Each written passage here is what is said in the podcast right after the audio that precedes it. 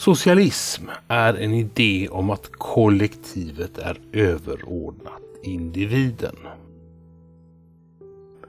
Socialismen strävar även efter att uppnå en jämn fördelning av ekonomiska medel samt i övrigt i mesta möjliga mån lika utfall.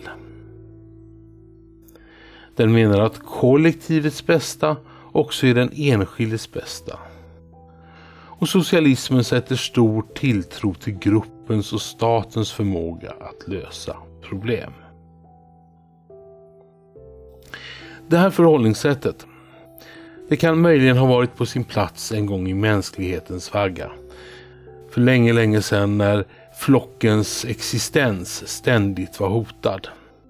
Men det är inte så världen ser ut idag.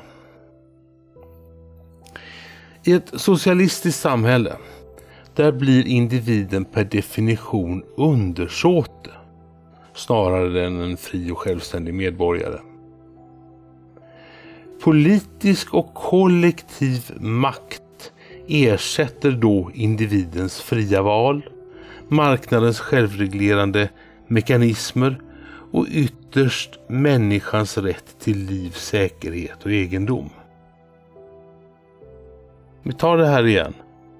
Politisk och kollektiv makt ersätter då individens fria val, marknadens självreglerande mekanismer och ytterst människors rätt till liv, säkerhet och egendom.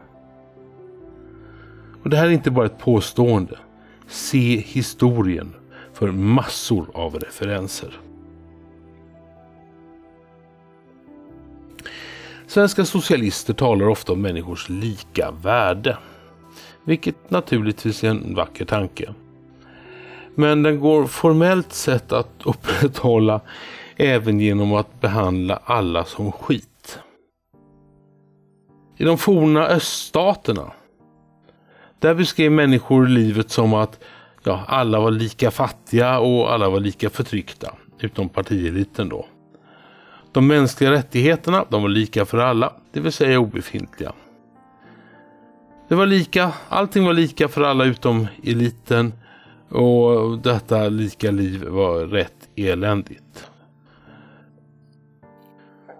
Dessutom så öppnar ordet värde i sammanhanget för alla andra subjektiva och personliga tolkningar som gör det svårt eller direkt omöjligt att kontrollera att detta lika värde faktiskt upprätthålls i praktiken.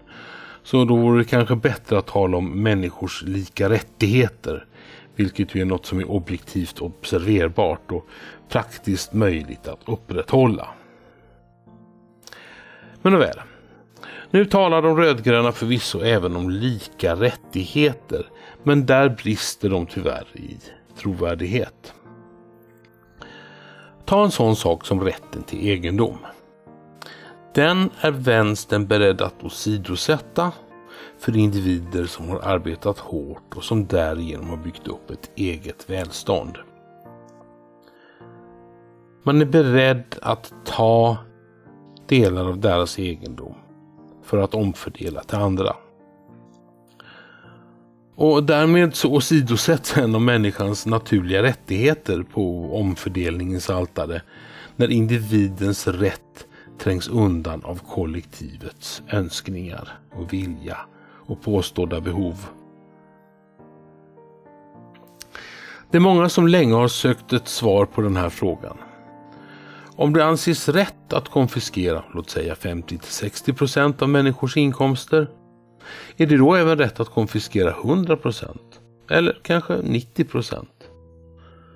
Om inte, förklara då den principiella skillnaden mellan att ta en viss procent av Kalles pengar men inte en annan procent. Vilka principer grundar man sitt resonemang på? Vilka principer då mer än flertalets överlägsna våldskapital gentemot individen? Finns det någon magisk gräns och hur förklarar man då den? Hur motiverar man överhuvudtaget sin rätt att konfiskera andra människors egendom? Ser man till socialismen och kommunismen i sina mer renodlade former, då kommer man snart att upptäcka att det inte bara är egendom utan även individens rätt till säkerhet och liv som hastigt och lustigt kan komma att underställas kollektivets bästa.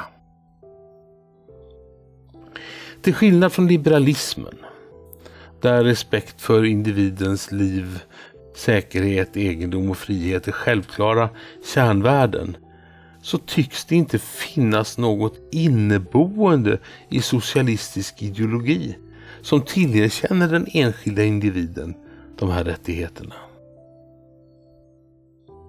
Och detta det leder sedan till en annan och högst påtaglig fråga.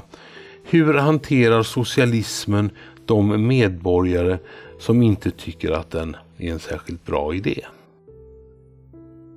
Alla ska med, som Socialdemokraterna ibland uttrycker saken. Jämn fördelning och lika utfall. Det kräver en enorm kontrollapparat och ett mycket stort mått av tvång. Detta till den extrema punkt där alla människor har exakt lika mycket. Och då måste det ju bli förbjudet att vara sparsam, företagsam eller till och med motståndare till systemet.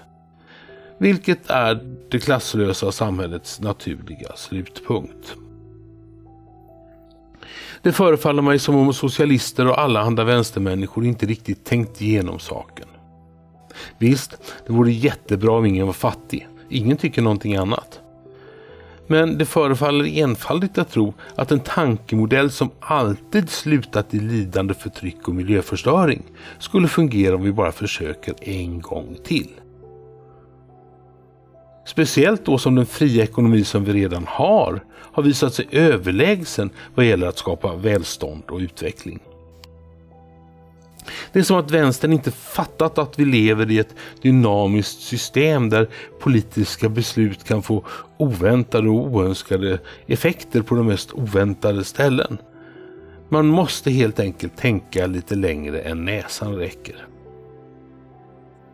Nu tror jag att de flesta som är vänster är det utan att egentligen ha ägnat frågan speciellt mycket eftertanke. Vänstern påstår att vänstern är snäll. Och jag vill vara snäll. Alltså är jag vänster. Ungefär så. Livsstilsvänster. Sen så gör kognitiv bias resten. Men det räcker inte med att bara vara snäll.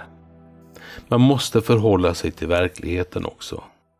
Som verkligheten faktiskt är. Även om den ofta är motbjudande. Inte till hur man tycker att verkligheten borde vara. Vänstern borde också lära sig att respektera sina medmänniskors rätt att slippa bli utnyttjade för andras syften. Rödgröna vill alltid bestämma över andra människor. Gör inte så, säg inte så, händerna på täcket. Så, som om de på något sätt har rätt att ta sig makt över andra människor i syfte att uppnå sina egna utopiska mål. Jag försöker verkligen lyssna till vad vänstern säger.